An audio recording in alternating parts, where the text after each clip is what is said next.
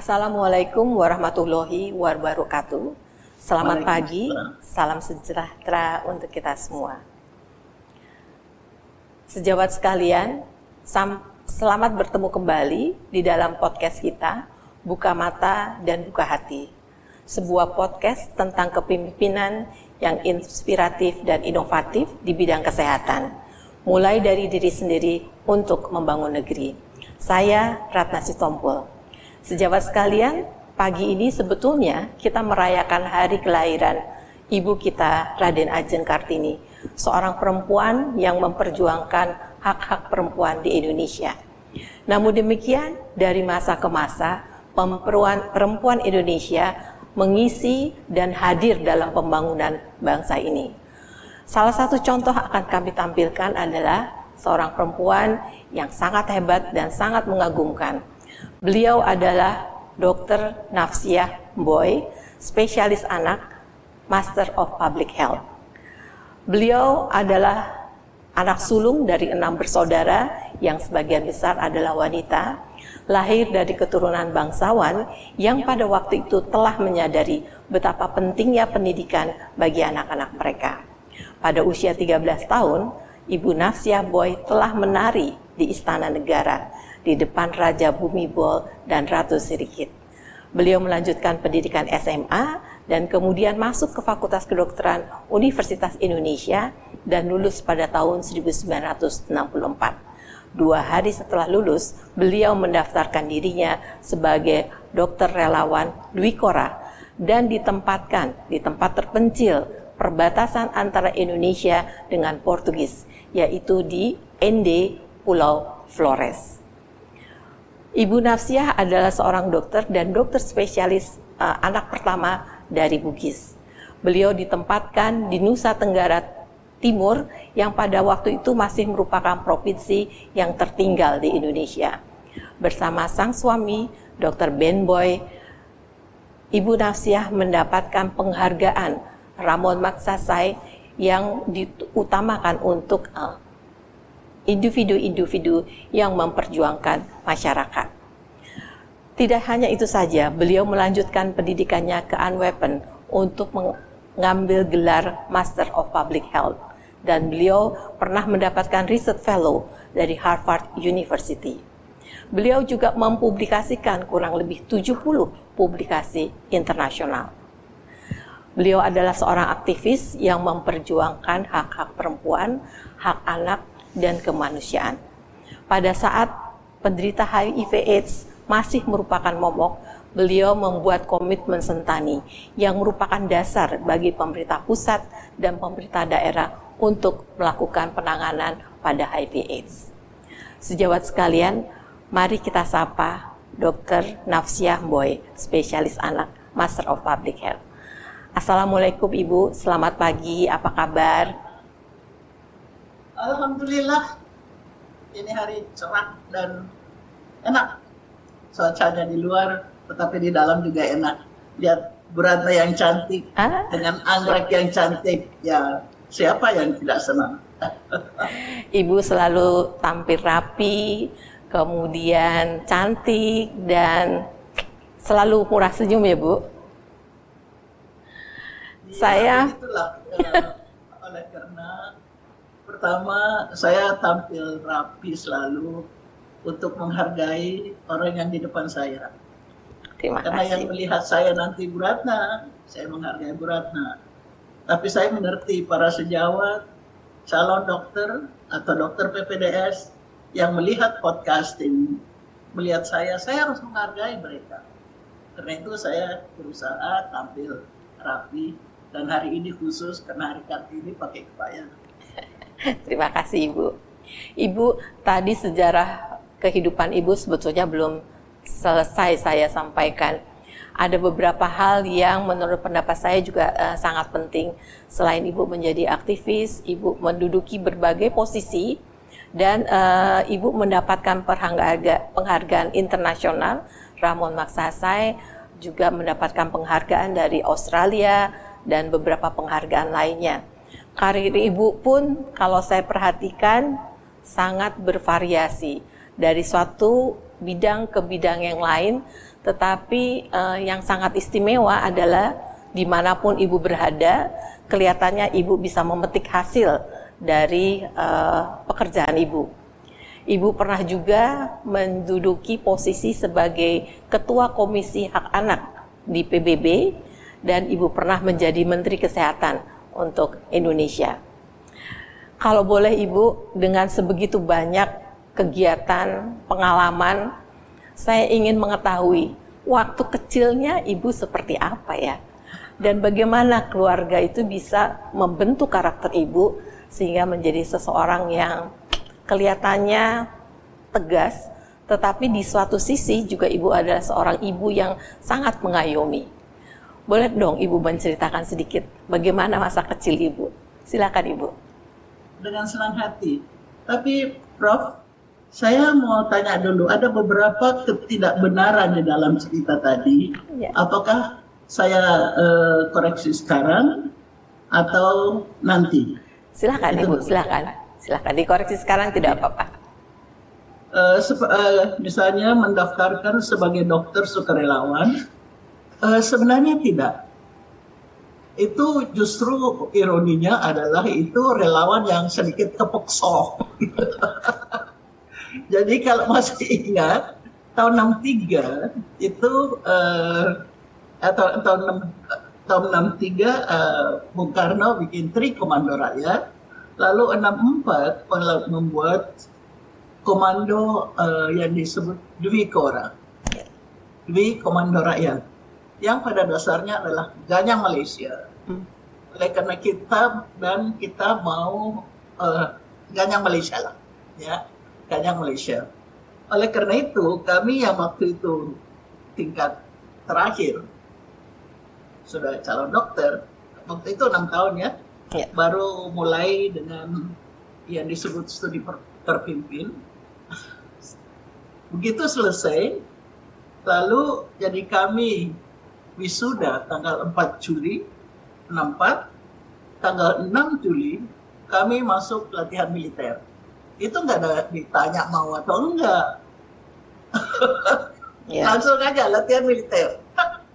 Mula-mula di Hanjebat, kemudian di apa uh, tempat latihannya ada TNI Angkatan Darat dan setelah selesai kita tuh pakai seragam dipakai seragam tentara tanpa tanda pangkat. Kami ditempatkan oleh komando tertinggi yaitu presiden di perbatasan. Maksudnya untuk jaga perbatasan. Jadi nggak nggak ditanya, seingat saya nggak pernah saya ditanya mau nggak? gitu, apalagi daftar. Malah waktu latihan lucu ya, namanya juga dokter ya. Dan banyak dokter yang ya memang e, menjadi dokter tuh atas biaya sendiri, ya. Jadi walaupun kita dapat waktu itu kita masih dapat subsidi pemerintah, ya. Tetapi namanya juga manusia, kita latihan militer dibentak-bentak oleh sersan, suruh lari keliling lapangan bawa senjata. Dokter-dokter ini ngomel. Orang tua saya eh, saja yang bayar saya punya kuliah sampai saya jadi dokter, saya nggak pernah dibentak-bentak. Ini sersan nggak tahu apa-apa, bentak-bentak saya. Bisa hukum saya suruh lari keliling lapangan. Ya itu ya. Jadi tetapi eh, andai kata ditanya, mungkin kita juga tidak ada yang akan mengatakan tidak mau. Hmm. Tapi waktu itu zamannya adalah ya eh, semua eh, lakukan. Ya, itu satu. Jadi saya tidak daftarkan diri. Kemudian tadi komitmen sentani. Sebenarnya bukan saya yang buat. Uh, waktu itu saya uh, konsultan di Komisi Penanggulangan AIDS Nasional. Ketuanya adalah Pak uh, Menko Kesra, yaitu Pak Yusuf Kala. Ya. Itu Menko Kesra. Jadi waktu dia tanya sama saya, saya selamat lebaran teman-teman. Dia bilang, Bu, kenapa, kenapa sih orang marah sama pemerintah? Gitu loh tanyanya. Kenapa? Saya, dia tunjukkan saya di koran itu banyak orang nulis pemerintah tidak peduli pada rakyatnya. Ini HIV sudah makin meningkat, AIDS sudah makin banyak, yang meninggal makin banyak, pemerintah diam-diam aja. Itu ditulis loh di, di koran. Sama aja seperti sekarang. Tapi ini Menko Kesra dia tanya pada saya, karena dia percaya saya tanya, kenapa sih masyarakat marah? Saya bilang, ya iya ya, iyalah.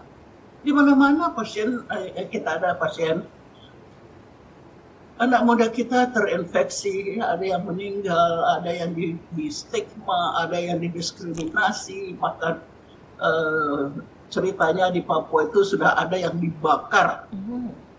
karena dibilang uh, dia AIDS. Kok pemerintah nggak bikin apa-apa? Lalu dia tanya, saya harus bikin apa? Saya katakan, saya jelaskan tentang HIV AIDS, penularannya begini, dan sebagainya. Lalu dia bilang, jadi saya harus ngomong kondom. Saya bilang, iyalah. Itu alat untuk ini kok mencegah penularan HIV. Pak JK kan ini ketua. Yang ngomong kondom ya harus ngomong kondom. Wah, gimana dong? Pada waktu itu bicara seperti itu belum sesuai dengan zamannya Ibu ya? Eh, sekarang masih, aja masih banyak sih. Masih tabu nah, ya? bikin ini, terus dia tanya lagi, saya harus bikin apa? Saya bilang, kalau saya boleh asumsikan Pak, uh, sebagai ketua, uh, ini kan uh, apa Komisi Penanggulangan AIDS Nasional itu ada kepresnya tetapi sebenarnya belum pernah rapat karena mereka tidak tahu mau bikin apa. Itu semua adalah pemerintah dari sektor pemerintah. Lebih baik panggil undang rapat, minta pertanggung jawab dari wakil ketua. Wakil-wakil ketua itu Menteri Kesehatan, Menteri Agama, Menteri eh, Kepala BKKBN, ya biar mereka lapor situasinya, baru mengambil keputusan. Begitu. Ya. Baik uh, ya. Ibu Naf, dia panggil saya Bu Dokter dong. Bu Dokter atur. Mana yang paling parah? Saya bilang kalau per 100 ribu penduduk, ya Papua lah, penduduknya sedikit. Begitu, kalau begitu, kita di Papua. Waktu Pak Jega kan orangnya gitu ya. Iya. Nah, lalu kami aturlah di sana dan di sana dibentuk eh, dinyatakan suatu komitmen oleh pemerintah dan pemerintah daerah. Tapi anyway, jadi bukan saya. Saya saya tukang apanya ya, dorongnya dan uh, sutradara di belakang layar lah. Kemudian penghargaan saya dari Australia tidak pernah dapat penghargaan dari Australia. Uh, saya maksa saya betul Prancis saya dapat penghargaan dari Presiden Prancis. Uh, kemudian tapi saya kembali sekarang karakter ya. Iya, Ibu kepingin tahu sekali. Prof, saya lahir uh, di kota kecil, Sengkang, Sulawesi Selatan. Itu waktu masih penjajahan Belanda. Ya. ya. Jadi kita masih dijajah oleh Belanda waktu itu. Lima tahun sebelum kemerdekaan, uh, kemerdekaan Republik Indonesia. Jadi saya masa kecil saya penjajahan Belanda, penjajahan uh, Jepang, kemudian masa kemerdekaan, dan setelah masa kemerdekaan itu masih uh, tidak aman di Sulawesi Selatan. Jadi ada yang melawan Belanda, tetapi juga banyak yang melawan pembentukan NKRI. Ya, sehingga waktu kami berusia 8 tahun, lalu orang tua saya boyong kami, waktu itu anaknya baru lima, baru lima, diboyong mengungsi di Makassar supaya menghindari daerah yang tidak aman waktu itu karena wisata dan sebagainya. Nah, ternyata habis itu Tetapi waktu saya berumur 12, tadi sudah dikatakan, kami lagi diboyong lagi ke Jakarta oleh Hmm. karena orang tua saya berpendapat jadi bangsawan saja tidak cukup. Ya. Harus bangsawan yang berpendidikan. Jadi ayah saya seorang pamong praja itu boyong keluarganya untuk mengambil sarjana hukum. Waktu itu masih namanya Master in the Rechten Ya. di Universitas Indonesia. Hmm. Kami diboyong Jadi karakter saya kira dibentuk memang pertama karena kami ini eh, hidup dari kecil itu selalu dalam suatu komunitas sebenarnya. Kami keluarga banyak, keluarga besar banyak. Ya selalu orang keluar masuk dalam um, um, rumah, kemudian juga perpindahan-perpindahan fungsi dan sebagainya. Mungkin itu juga ikut membentuk tetapi juga ayah saya seorang yang sangat pendiam, tidak pernah memarahi kami, tetapi sangat menuntut kejujuran dan integritas yang tinggi dan keadilan. Karena beliau kemudian setelah tamat sarjana hukum, dia ditempatkan sebagai hakim mula-mula di Pengadilan Negeri Surabaya, kemudian Makassar, jadi kepala uh, Pengadilan Tinggi atau Pengadilan Negeri, dan kemudian uh, dipercayakan untuk mengambil alih Pengadilan Negeri atau Pengadilan Tinggi, Pengadilan Tinggi saya kira, Pengadilan Tinggi di Jayapura uh, waktu masa Untea. Okay. Sedangkan ibu saya beda, sukunya juga beda, ayah saya orang Bugis, ibu saya Makassar, dan uh, dia lebih mana ya uh, dididik oleh orang tuanya, karena orang tuanya juga sudah terdidik untuk uh, apa ya? Dia seorang yang penuh energi dan kalau ya selalu menekankan pada follow your dream kalau kau ada cita-cita, kau bisa kejar. Jangan pusing, karena kami waktu itu lima perempuan, satu laki-laki ya. Jadi dia bilang, anak perempuan harus sekolah. Kalau kamu sudah tidak mampu, apa boleh buat? Tetapi sekolah, pendidikan, sesuai talenta yang diberikan Tuhan kepada kamu.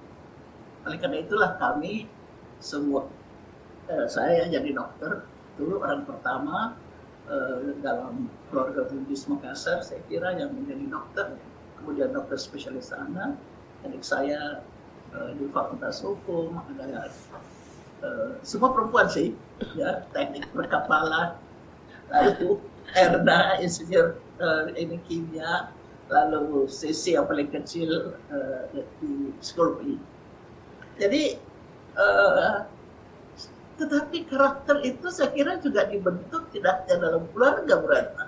Ya. Uh, saya merasa pengaruh suami saya juga sangat banyak. Karena again kami sangat berbeda. Ya dia juga seorang dokter. Ya. tapi dia dokter militer. Jadi dia pedas tetapi lembut tidak pintar berkomunikasi dan saya banyak belajar dari. Saya kira cukup lah. Kalau mau ngomong ini kita ngomongnya mau berapa lama? Sesukanya ibu. Tapi Kalau ya nggak perlu perlu potong aja ya. tapi ibu berarti ibu mendapatkan uh, environment antara ketegasan, kejujuran dan juga uh, kedekatan dengan keluarga besar ataupun dengan masyarakat barangkali begitu ibu ya. Jadi uh, walaupun bangsawan, walaupun terdidik, tapi ibu tetap dekat uh, dengan masyarakat dan ibu pandai menjembatani perbedaan-perbedaan itu barangkali ya. Karena kan kita tahu kalau cewek sama cewek pasti uh, ada macam-macam ya bu ya. Barangkali ibu belajar dari sana. Dan juga belajar banyak untuk komunikasi dengan masyarakat. Itu banyak belajar dari suami saya, almarhum. Ya, suami saya itu uh, berbeda. Uh, dia muncul, dia besar dari lingkungan uh, dari Flores. Dia sulit sekali masa kecilnya, ya. Oleh karena, nah ini juga suatu cerita yang bagus kalau mau diceritakan. Ibunya, ya, ketik suami saya, ayahnya meninggal waktu dia masih SD ya. karena kecelakaan mobil. Hmm. Menurut adat Manggarai, Flores, itu ibunya seharusnya e, menikah dengan Adik. iparnya. Oh, ya. Tapi oleh karena mertua saya, Mama Ana waktu itu sudah beragama Katolik, dia menolak untuk menjadi istri kesekian. Dia hmm. tidak mau dimadu. Karena dia melanggar adat, maka dia dikucilkan oh. dari keluarga suaminya. Sehingga mereka sengsara sekali. Ya, kalau baca dalam buku suami saya itu, mereka harus eh, betul-betul susah waktu kecil. Dan dia menjadi dokter sambil bekerja. Pernah dia uh, apa namanya uh, jadi ah, macam-macam lah. Pokoknya dia susah sekali dan dia menjadi dokter dengan cara bekerja e, berjuang. Dia cerita bahwa tahun pertama dia hanya punya satu baju lap itu sehingga udah bolong-bolong ke mana-mana. Ya tetapi dia punya harga diri yang tinggi. Nah jadi, saya banyak belajar dari itu. Jadi artinya ibu walaupun hidup manusia berbeda-beda ya ibu ya ada yang senang, ada yang susah. Dan dalam kehidupan kita pun kadang senang, kadang susah. Namun demikian, integritas, kejujuran, eh, hal-hal seperti itu adalah sesuatu yang harus kita pegang teguh ya Bu ya. Apalagi waktu kita mempunyai jabatan. Karena tanpa itu semua sebetulnya jabatan kita tidak membawa berkah barangkali ya Bu ya. Uh, Ibu Naf, apakah Ibu bisa menceritakan pengalaman Ibu waktu mendampingi atau waktu bertugas di NTT. Kita tahu provinsi NTT uh, eh, masih sangat tertinggal, kemiskinannya masih tinggi, pembangunannya masih rendah. Bagaimana pada waktu itu ibu sebagai uh, seorang dokter, sebagai seorang ibu, sebagai seorang istri bisa mengajak masyarakat untuk memberdayakan dirinya dan menggerakkan birokrasi baik di NTT sendiri maupun nanti di pusat untuk um, membangun masyarakat NTT Ibu. Saya rasa itu bukan suatu pekerjaan yang mudah. Cuman bagaimana keterampilan Ibu, keahlian Ibu melakukan itu semua. Begini masa itu dokter nggak banyak ya. ya. Jadi dokter itu pokok susah ada musuhnya deh. Hmm. Kau baik-baik aja, semua orang baik sama kamu. Hmm. Lebih baik lagi. Ya. ya. Saya mulai uh, di di NTT itu kan 64 sampai tahun 71 itu eh, 64 sampai 67 itu di ND Flores. Kemudian selanjutnya 73 75 saya kembali sebagai dokter spesialis anak ya jadi saya bekerja sebagai dokter spesialis anak yang ditempatkan di Kupang jadi ibu kota provinsi. Tetapi karena tidak ada dokter lain uh, di apa suami saya uh, kanwil kesehatan waktu itu IKES lah. Saya juga ditugasi bagian DC dan laboratorium di kantor kesehatan kanwil. Hmm, yeah. jadi saya juga jalan keliling ini sehingga sudah banyak mengenal orang NTT. Dan orang NTT itu sama saja dengan manusia di mana saja, pada dasarnya mereka orang baik, kalau kita baik kepada mereka. Dan tadi saya katakan, dokter tuh paling enak sebenarnya. Asal dia jangan bikin dosa besar aja, dia pasti diterima di mana-mana. Ya. Itu keuntungannya jadi dokter itu dokter di NTT itu memang sangat langka. Jadi waktu saya pertama kali di, di ini ditempatkan uh, di ND, suami saya sudah duluan di sana dari sebagai dokter tentara. Karena tidak ada dokter lain waktu itu seluruh Pulau Flores itu kekurangan dokter. Jadi suami saya harus merangkap dokter kabupaten, ND, dan Manggarai, dua kabupaten.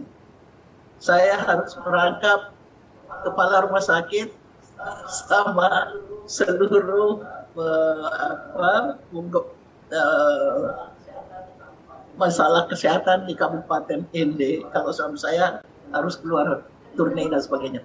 Jadi memang kita terjerangkap-rangkap. Jadi rakyat kenal.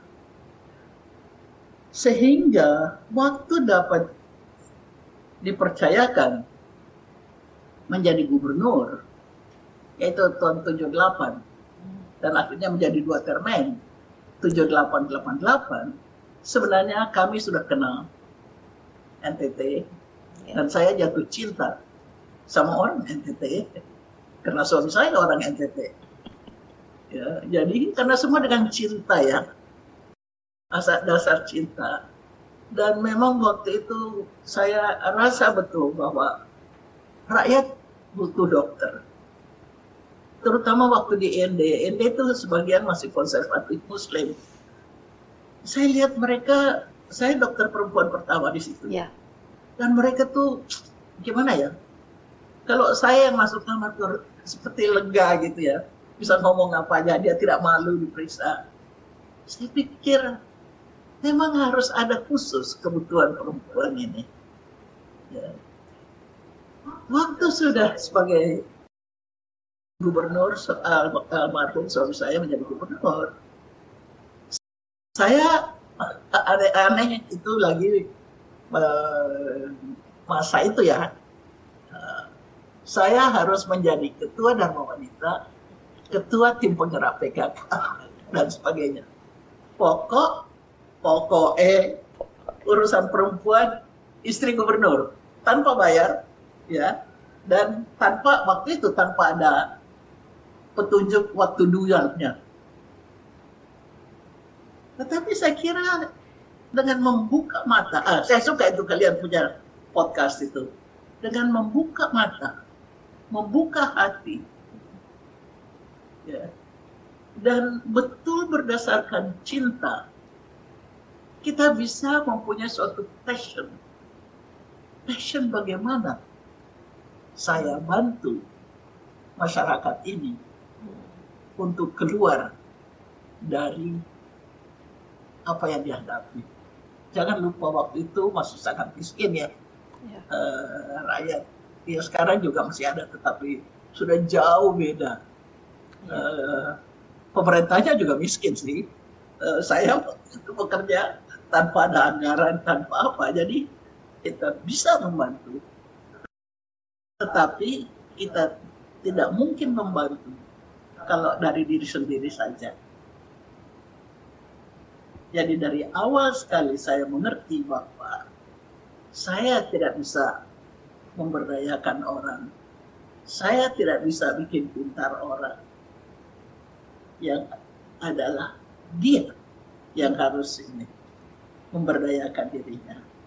Tetapi itu juga saya belajar loh, Jadi semua saya belajar. Saya boleh dikata saya selalu mengatakan waktu jadi ketua tim penggerak PKK Darmonita sebagainya itu saya tuh mulai dari nol saya learning by doing ya, jadi apa namanya uh, tetapi kalau kita mau buka mata buka hati pasti bisa belajar ya. pasti bisa maju ya tetapi dasar cinta dasar hati dan mau belajar mau maju itu harus sudah ada sebelumnya ya. oke okay? ya. tetapi uh, mungkin saya lebih banyak belajar dan lebih banyak dapat dari rakyat NTT daripada apa yang bisa saya berikan. Waktu itu. Begitu ya bu ya? Hmm. Ibu boleh tahu lagi nggak Bu tentang begini? Hmm, waktu Ibu menghadapi masyarakat, eh, tentu kita harus punya cara komunikasi yang baik, kemudian harus punya strategi ya Bu ya, bagaimana kita mendekati mereka. Memang Ibu mempunyai mempunyai passion, mempunyai kasih sayang kepada masyarakat, tetapi untuk menggerakkan mereka mau mengikuti bersama-sama kita uh, berubah, tentu kita harus pandai menceritakan kenapa Anda harus begini, kenapa kamu harus seperti itu. Kan kita mesti menyampaikannya Ibu ya.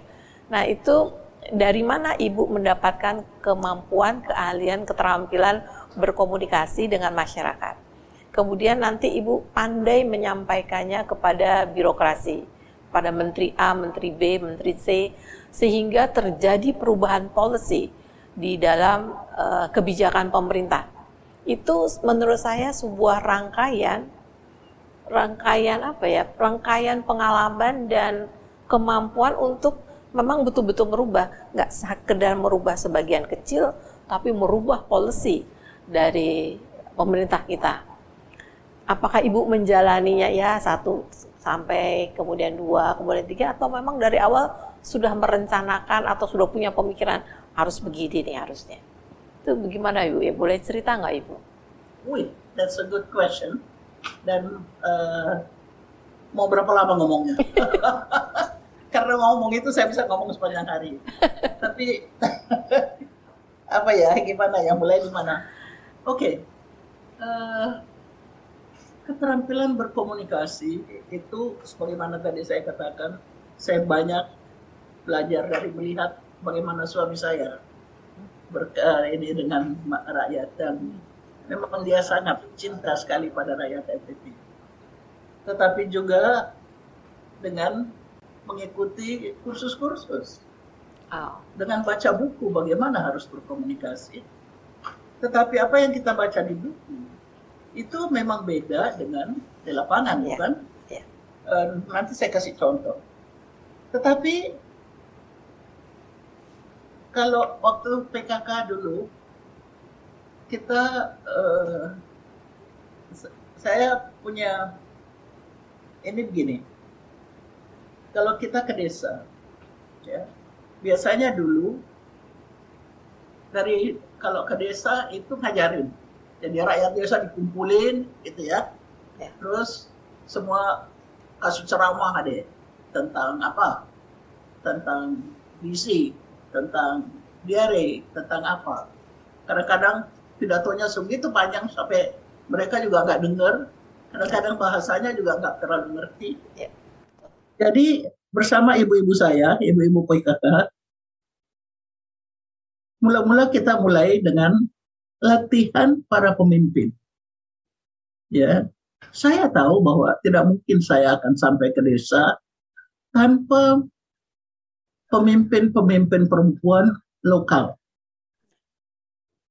Saya tahu betul, saya tahu pasti tidak bisa. Oleh karena itu kita mulai dengan pemimpin pemimpin-pemimpin perempuan dan oleh karena kita memang waktunya terbatas, Waktu itu saya kira hanya lima tahun ya. Saya tidak tahu bahwa akan jadi 10 tahun. Lima tahun.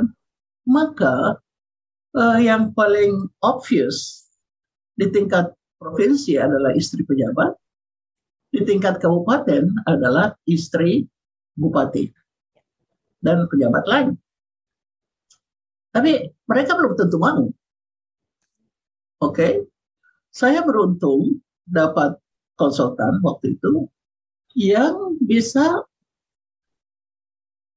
me, waktu itu dia yang mengarang buku teknik-teknik berorganisasi untuk ini untuk uh, organisasi perempuan Muhammadiyah uh, organisasi perempuan Muhammadiyah dan sebagainya. Jadi sudah banyak tahu tentang bagaimana melatih yang kita sebut pelatihan yang partisipatif dan uh, apa namanya inklusif gitu. Nah, sehingga saya mulai melihat ya waktu ada uang dikit uh, kumpulkan ibu-ibu bupati, tetapi kita yakin bahwa program perempuan siapa yang kasih biaya nggak ada.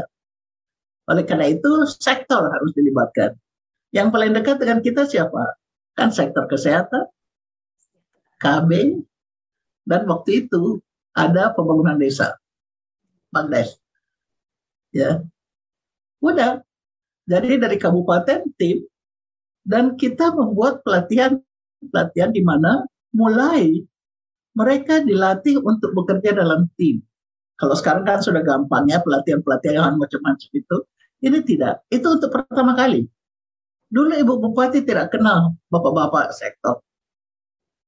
Tapi yang ada uang kan itu. Nah, oleh karena itu, latih itu dulu membiasakan mereka menjadi ini tim dan Ibu Bupati sebagai ketua tim. Jadi mulai melatih dengan adanya pemimpin-pemimpin, kemudian kami bikin pelatihan-pelatihan dengan uh, ibu-ibu lokal, jadi orang NTT. Uh, saya memang agak dikritik waktu itu, karena saya bilang istri pejabat di Flores waktu itu tingkat provinsi kebanyakan pendatang.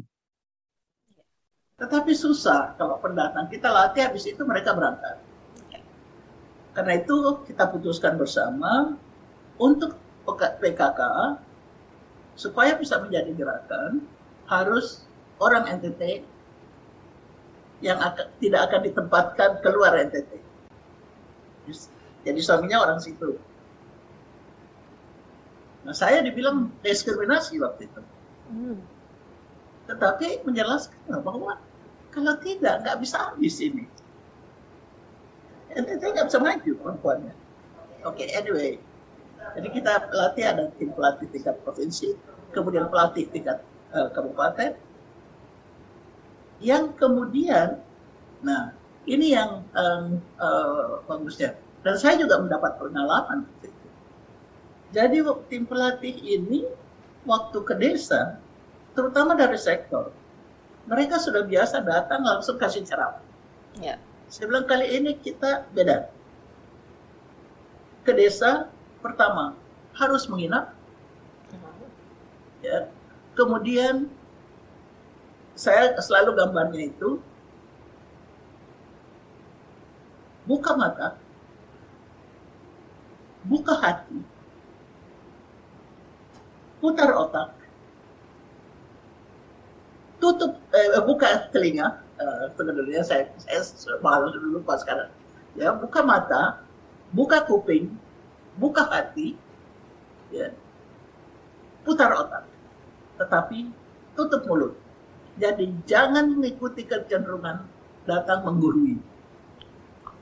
Nah kalau listening skills itu sangat penting.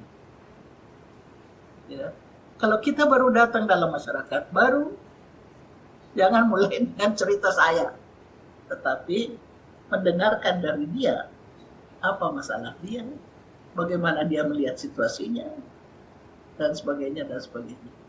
Karena untuk suatu masyarakat belum tentu kesehatan itu nomor satu. Mungkin untuk dia makanan yang kurang. Dia tidak ada makanan. Pikir kesehatan gimana? ya, ya uh, dan sebagainya. Jadi itu penting sekali kita yang ingin membawa pembangunan adalah mendengarkan. Buka mata, buka kuping, buka hati. Tutup mulut. Ya, jadi ini yang kemudian kita berkembang terus, tim pelatihnya juga berkembang terus. Kemudian ibu-ibu di desa juga makin interested karena dia merasa itu buat dia kok dia dapat untung. Ya. Selalu untungnya dia apa? Ya. Kalau dia ikut, untungnya dia apa? Bukan? Uh, sehingga dengan demikian, mulai dengan kader-kader dulu, kita lihat kok kalau desa itu ada pemimpin natural leaders di antara ibu-ibu. Lalu mereka itu diajak ngobrol aja dulu.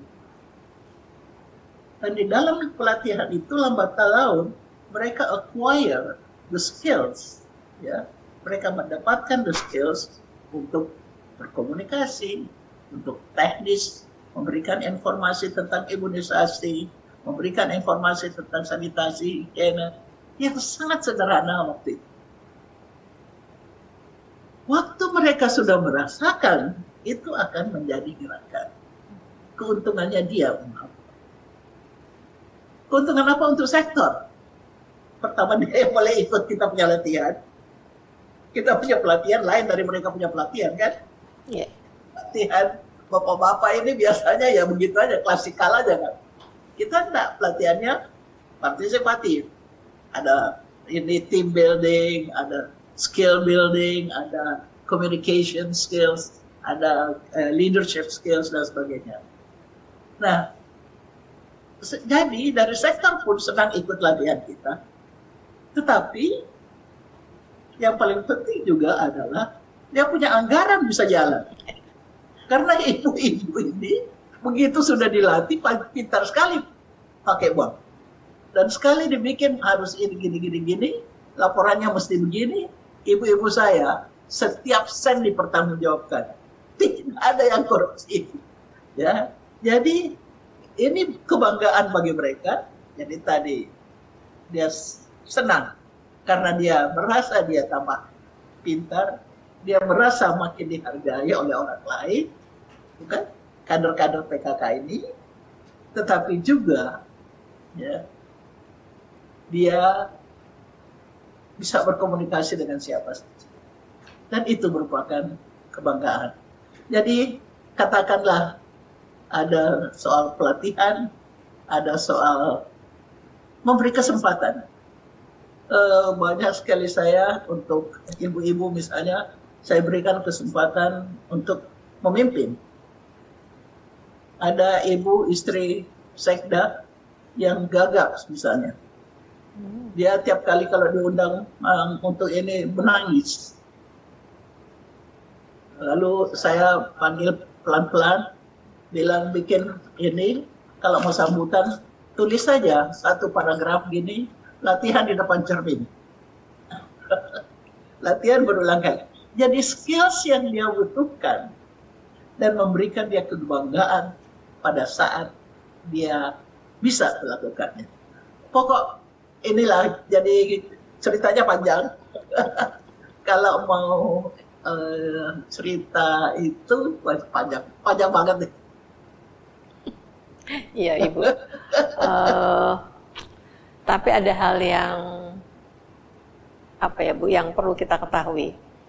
Ibu uh, sebagai dokter dan sebagai istri gubernur tentu saja mempunyai kegiatan-kegiatan yang sangat uh, banyak ya ibu ya. Tetapi ibu uh, sempat melanjutkan pendidikan uh, sebagai spesialis anak sebelumnya ibu ya sebelum menjadi gubernur ya. Sem, uh, maksud saya begini, ibu tetap mempunyai waktu untuk memenuhi diri ibu dengan kemampuan akademik, baik itu menjadi spesialis anak, waktu mengambil master public health atau menempuh uh, fellowship di Harvard University. Uh, bagaimana, uh, gimana ya bu ya? bagaimana ibu tetap mempunyai kegiatan yang sibuk, tetapi juga mempunyai rencana untuk diri ibu sendiri untuk tetap tumbuh dan matang. Itu bagaimana mengelolanya ibu? That's a very good question, Prof. Uh, artinya setiap manusia mungkin punya rencana, ya. Tetapi memang saya rencananya saya tahu dalam perjalanan hidup saya banyak yang nggak cocok dengan rencana saya. Oleh karena uh, you have ini ya, kita itu bikin rencana, tetapi harus ada prioritas. Yang prioritas yang mana? Ya, uh, waktu sebagai dokter, dari ND waktu itu kami kembali ditugaskan ke Jakarta dan uh, saya bukan istri pejabat jadi saya sebagaimana semua dokter waktu itu kepingin jadi spesialis. Dan saya jadi spesialis anak setelah jadi spesialis anak sebenarnya saya sedikit sekali praktek sebagai dokter anak. Ya. Saya tahun 73 75 memang betul satu-satunya spesialis anak bahkan satu-satunya spesialis di seluruh provinsi NTT yang segede Bagong itu. Sehingga saya praktek sebagai dokter anak tetapi yang bagus saya kira otaknya jalan dan bikin uh, lebih banyak untuk public health saya selalu gitu gini, kalau ketemu pasien, anak atau dewasa, dia sudah, saya ketemu hanya satu orang, ya, biasanya sakitnya sudah cukup cukup uh, apa gawat gitu ya, sudah late stage. Saya atau kita dari rumah sakit memberikan obat, dia sembuh, ya itu cuma satu anak. Paling orang tuanya juga senang. Tapi kalau kita seperti misalnya saya bagikan waktu itu ribuan yang namanya sendok biru. Hmm. Masih kenal? Ya. Masih tahu? Dokter sekarang mungkin tidak tidak kenal lagi. Sendok biru ini ada takarannya. Kalau ada anak yang mencret, bikin rebus air, intek, atau rebus air, kasih ini garamnya segini, saya lihat ya. Ya, bisa. Nah, garamnya segini, gulanya segini untuk satu gelas. Pokok dia mulai mencret, langsung kasih minum. Ya, oleh karena apa? Kematian tertinggi waktu itu selain tetanusnya, tetanus uniodinatorum juga adalah diare. Karena malaria dia diare, sakit apa aja dia mencret, terus tidak, tidak dikasih makan, tidak dikasih minum, akhirnya dehidrasi, angka kematian bayi dan anak waktu itu tinggi sekali. Bahkan nggak tahu dari mana ada mitos kalau mau anak mencret nggak boleh dikasih air susu ibu dan sebagainya. Yeah. Jadi mendidik masyarakat. Dan di situ saya kira saya mulai jatuh cinta pada public health. Karena bisa mencapai lebih banyak anak, ibu-ibu PKK itu semua saya punya teman-teman. ya, makin uh, jaringannya makin besar luas.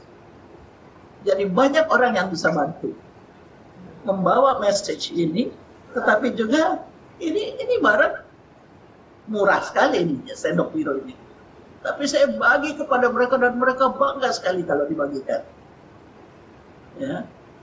Tetapi akibatnya juga mereka banyak angka kematian karena dehidrasi waktu itu turun drastis. Uh, jadi karena waktu itu memang masih penyakit kemiskinan ya. Yeah. Jadi adalah penyakit infeksi. Kemudian juga penyakit-penyakit yang bisa sebenarnya bisa dicegah dengan imunisasi. Jadi itu juga saya kenapa saya selalu memperjuangkan adanya imunisasi termasuk waktu saya menteri kesehatan, oleh karena kita bisa mencegah penyakit. Ya. Mencegah penyakit itu sangat penting. Oke, jadi di situlah saya jatuh cinta pada ini, pada masyarakat, walaupun saya sudah dokter spesialis anak. Jadi, tetapi sekali lagi saya tidak praktek karena saya lebih suka uh, apa kesehatan masyarakat, tetapi kesempatan untuk belajar kesehatan masyarakat baru setelah selesai tugas sebagai pendamping suami. Makanya saya sudah tua kan, saya menjadi saya menjadi apa? Tapi mungkin itu jalan Tuhan ya. Saya ambil master in public health saya, saya sudah persis pada batas. Ya mereka hanya terima sampai umur 50, saya setengah tahun lagi sudah 50 tahun. saya uh, apa uh, ke Harvard memang bisa, jadi tadinya saya mau uh, S3 sebenarnya ke Harvard, tetapi karena suami ditugaskan atau dia terpilih lagi untuk periode kedua, saya pikir saya sudah terlalu tua lah. Mana suami saya tua, dia orang baik, tapi dia tidak mau jadi pendamping istri. kalau kamu mau punya sekolah, sekolah sendiri. Dan saya tinggal aja. Jadi kan ini ya, saya ada aja. Oke, jadi saya singkat aja lah. Uh, saya memanfaatkan kesempatan apa pun untuk belajar, bukan hanya uh, akademik, tetapi syukur kepada Tuhan bahwa saya ada kesempatan-kesempatan dalam hidup yang bisa membantu saya mengambil Master in Public Health di Antwerpen waktu sebagai pendamping suami. Sebenarnya suami saya dapat beasiswa ke Belanda, saya manfaatkan kesempatan untuk uh, belajar. Jadi bukan dengan gampang. Saya hari Senin pagi-pagi sekali naik kereta api dari Leiden ke Antwerpen. Dari Antwerpen saya ada studio kecil satu kamar aja. Kemudian saya sampai hari Jumat. Hari Jumat siang saya belajar hari Jumat sore saya pulang uh, ke Leiden dengan kereta api dan masak, cuci pakaian dan sebagainya pada weekend itu aja.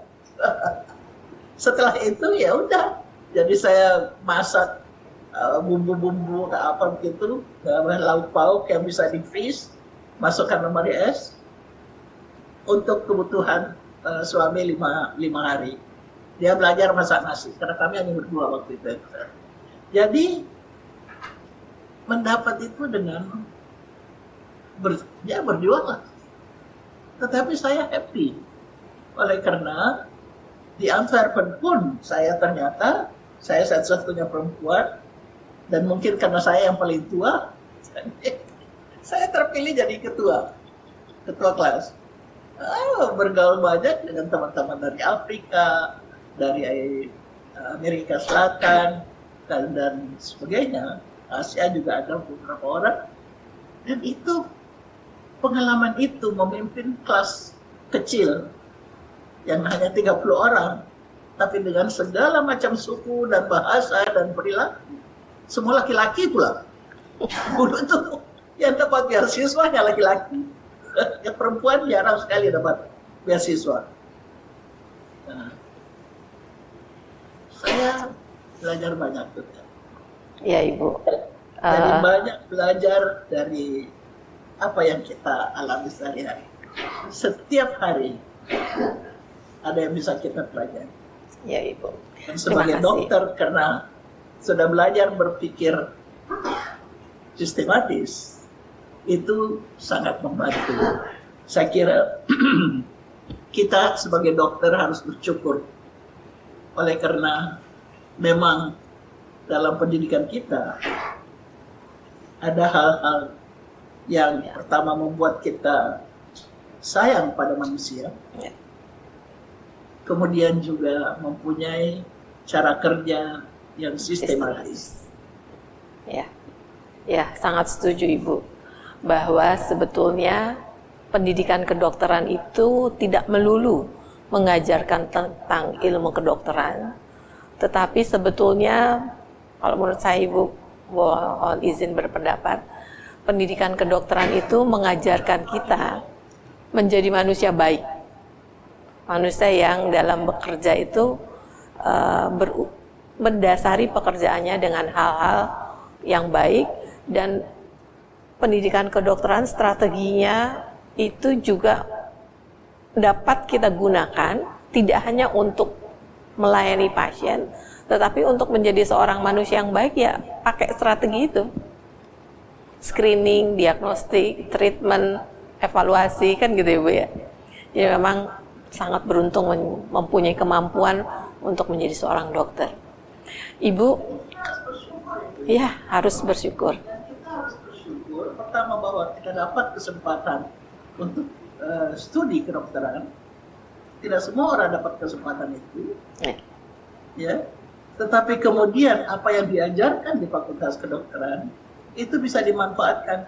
Waktu suami saya gubernur, itu dokternya gubernur, bupatinya ada tiga yang dokter. Oh. Oleh karena enak bicara dengan dokter, sesama dokter, dan mereka bisa memimpin rakyat karena mereka dihormati, mereka dihargai oleh masyarakat.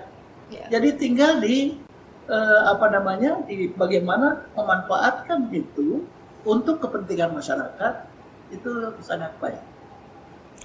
Kita syukur-syukurlah. Ya. Ibu, mm, dari masa kecil ibu, masa remaja sampai dewasa dan sampai sekarang, menurut saya, saya itu sebuah rentang waktu yang sangat panjang ya ibu. Dan di setiap rentang waktu tersebut banyak sekali momen-momen yang uh, dapat kita pelajari bersama untuk tumbuh gitu ya Bu ya. Uh, pertanyaan saya, alangkah baiknya jika pengalaman-pengalaman Ibu itu bisa kita baca bersama ya Bu ya dalam bentuk autobiografi misalnya. Karena di masa kapan pun saya rasa masalah-masalah di Indonesia ini tentang kemanusiaan, tentang hak azazi manusia, tentang hak anak itu belum akan selesai, Ibu. Jadi uh, kami sangat berharap bahwa bisa menikmati biografi Ibu nantinya. Tentu dengan senang hati. Pokok Prof. Ratna, Prof. Ratna saya kasih satu. Kalau orang lain suruh beli aja ya. Alhamdulillah Ibu. Dengan senang dengan sekali. senang hati. Betul saya saya makan waktu lama juga sih untuk tulis biografi itu. Uh, dari dulu saya didesak-desak oleh anak-anak, oleh cucu, oleh teman-teman untuk tulis biografi. Tapi nggak tahu kenapa nggak jadi-jadi, nggak jadi-jadi. Sampai saya sakit berat terakhir 2017 itu masuk rumah sakit, operasi dan hampir dikatakan sudah uh, Tuhan sudah panggil lah, sudah end. Ternyata Tuhan berikan saya kesempatan untuk hidup lagi. Uh, waktu itu anak-anak dan teman-teman sudah lebih keras lagi. Ayo tulis. Akhirnya mulai tulis ini 2019 kali. Eh, 2020 gitu. Tapi hampir dua tahun selama pandemi lah nulisnya itu. Oleh karena, nah ini nasihat saya, kalau beratnya mau tulis biografi, jangan tunggu sampai umur 80 tahun. karena banyak yang sudah kita lupa, ya. Tetapi saya bersyukur oleh karena saya punya teman namanya Karen dan dia selama itu dia kumpul semua semua saya punya paper, saya punya apa saja jadwal-jadwal itu semua dia kumpul sehingga kami masih bisa oh iya waktu itu ini ya waktu itu gini ya. Tapi jangan tunggu lama-lama. Kalau mau tulis biografi tulis waktu masih muda gini masih semua masih fresh. Uh, begitu. Tapi ya insya Allah kalau tidak ada halangan uh, akhir Mei ini barangkali atau Juni selesai percetakan sehingga launching mungkin pertengahan Juni. Ya. Saya kasih Terima kasih Ibu. Sebetulnya memang uh, Ibu uh, podcast ini kami bertujuan juga untuk merekam uh, kepemimpinan sejawat-sejawat kita. Karena uh, acap kali mereka mempunyai hal-hal baik tetapi kurang diketahui oleh masyarakat umum sehingga seakan-akan uh, berjuang sendiri-sendiri atau melakukan kegiatan sendiri-sendiri dan saya sendiri merasa bahwa untuk kemudian hari untuk di masa yang akan datang masalah masyarakat kita belum banyak berubah uh, walaupun ada teknologi tetapi dokter tetap dituntut untuk mempunyai jiwa kemanusiaan dan dia juga dituntut untuk memberikan pelayanan yang baik di masa apa pun. Dulu zaman Sokrates, zaman sekarang, di masa akan datang itu tetap merupakan tuntutan masyarakat. Jadi kami berharap dengan podcast ini uh, kita bisa saling belajar ya Bu ya. Kita bisa menitipkan kepada generasi muda apa yang telah kita kerjakan, mungkin cita-cita kita yang belum kesampaian yang perlu mereka lanjutkan. Tetapi masa yang mereka nikmati ini adalah berkat juga perjuangan uh, individu individu seperti ibu yang seorang dokter yang memberikan saya bilang memberikan hidup ibu untuk masyarakat berusaha memperkaya uh, kemampuan diri dan kembali memberikan kepada masyarakat dan berusaha mengubah Indonesia ini menjadi jauh lebih baik dari hari yang kemarin. Saya sangat berterima kasih Ibu atas kesempatan yang Ibu berikan kepada kami untuk menggali sedikit cerita-cerita uh, ibu yang menarik dan menurut saya sangat inovatif dan sangat inspiratif. Pada waktu itu mungkin kita belum mengenal uh, kepemimpinan yang menggunakan visi, misi, rencana strategi, sasaran, matriks, uh, pelatihan yang partisipatif, tetapi ibu telah melakukannya tanpa memberikan judul pada kegiatan tersebut. Dan menurut pendapat saya ini sesuatu yang sebaiknya kita contoh ya Ibu ya. Terima kasih, saya sangat menghargai itu. Uh, tetapi kalau boleh saya koreksi tadi, uh, justru masyarakat sudah banyak sekali berubah, ya, menurut saya. Dan juga kondisi di daerah itu juga sangat banyak berubah kalau misalnya katakanlah dokter ya Bu Ratna ya, boleh ya kita tambah dikit uh, uh, dokter. Sekarang itu dari mahasiswa itu sudah bisa menunjukkan kepemimpinannya. Ya, saya uh, lihat cucu saya aja sudah bikin podcast. Tidak tunggu sampai umur 80 tahun, uh, ya kan? Juga uh, jadi kalau mau mengambil uh, apa tokoh-tokoh inspiratif. Mungkin sekarang malah sebaliknya. Jangan waktu ada dari kami yang sudah tua, yang kondisinya lama, nanti adik-adik kita yang PPDS atau ah itu kan dulu, itu kan jadul, ya toh. Tetapi mungkin justru yang masih up to date, Prof Ratna sendiri berapa tahun memimpin, ya uh, profesor yang lain. Makanya jangan tunggu sampai ini tetapi juga di kalangan dokter-dokter muda dan mahasiswa kedokteran, saya lihat itu perkembangannya luar biasa. Kebetulan saya cucunya tiga yang ini ya, jadi dokter dua jadi dokter, satu calon dokter. Anak saya dokter, kawin sama dokter, anaknya dia dokter, oh, kawin sama dokter pula. Jadi masyarakat dokter ini menjadi begitu ini Waktu kami tidak ada itu ini mau pecat seorang dokter. Yang benar dong. Ya, kan mestinya bisa ajak ngomong kayak bagaimana kayak gitu. Ah, ya ke mana itu? Tetapi eh, yang saya mau katakan tadi, memang saya bisa katakan masyarakat termasuk dokter itu banyak berubah. Dulu kami otomatis kepengen ke daerah. Sekarang banyak yang enggak, karena sudah ada opportunities. Di swasta, ada opportunity di kota, ngapain ke daerah terpencil? Ya. ya, itu mem harus mempunyai jiwa adventure, kepingin berbagi dengan masyarakat. Tetapi mereka yang tinggal dan langsung bekerja, saya tahu ada seorang profesor katakan pada saya, Bu Naf tahu, saya tuh profesor yang termuda loh. Profesor doktor termuda. Saya bilang, iyalah, kalau dari sekolah ke sekolah ke sekolah ke sekolah, ya bisa lah menjadi profesor dokter pada usia 30 tahun. kalau mau mengabdi dulu, berbagi ke kehidupan dengan masyarakat dan sebagainya, ya biar umur 70 baru jadi profesor juga tidak apa-apa. Ya, So masing-masing manusia itu saya kira menurut pendapat saya sudah ada garis tangan yang bisa diyakinikan. Sehingga untuk podcast akan sangat menarik kalau justru dari generasi muda yang diangkat. Ada banyak generasi muda sekarang yang luar biasa inspiratif, luar biasa memberikan uh, menunjukkan kepemimpinan yang inovatif loh.